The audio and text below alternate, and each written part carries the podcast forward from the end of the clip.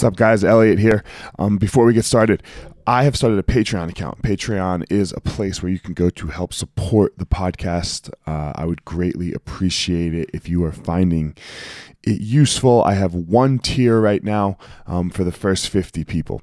You will get all of the short hitters, all of the little inspirationals on Tuesday, Wednesday, Thursday. They're going to move behind the Patreon, so you, you'll have to subscribe to get them and then also a monthly ask me anything and a recipe and a jiu-jitsu technique uh, will all come directly to you and that's it so patreon.com backslash elliot marshall and thank you all for your help my ninjas what's up i hope you're happy i hope you're healthy i hope you're well and safe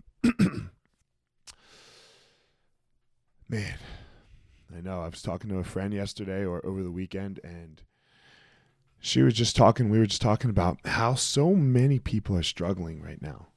Like, just on the verge, right? On the verge of not handling.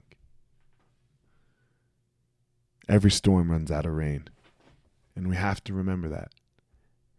You can do this. And as dark as the clouds may be right now, and as heavy as the rain might be coming down on some of you right now, just remember that every storm runs out of rain.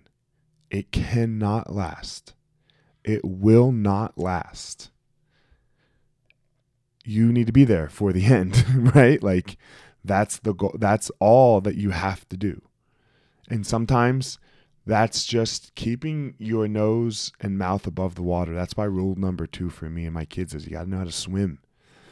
Because it's not about winning the race in your swim meet or being Michael Phelps or, or anything.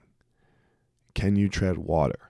Can you hang on, be there for the end of the race, for when that storm runs out of water? Because this storm will end. It has to. It always has. It never has lasted forever.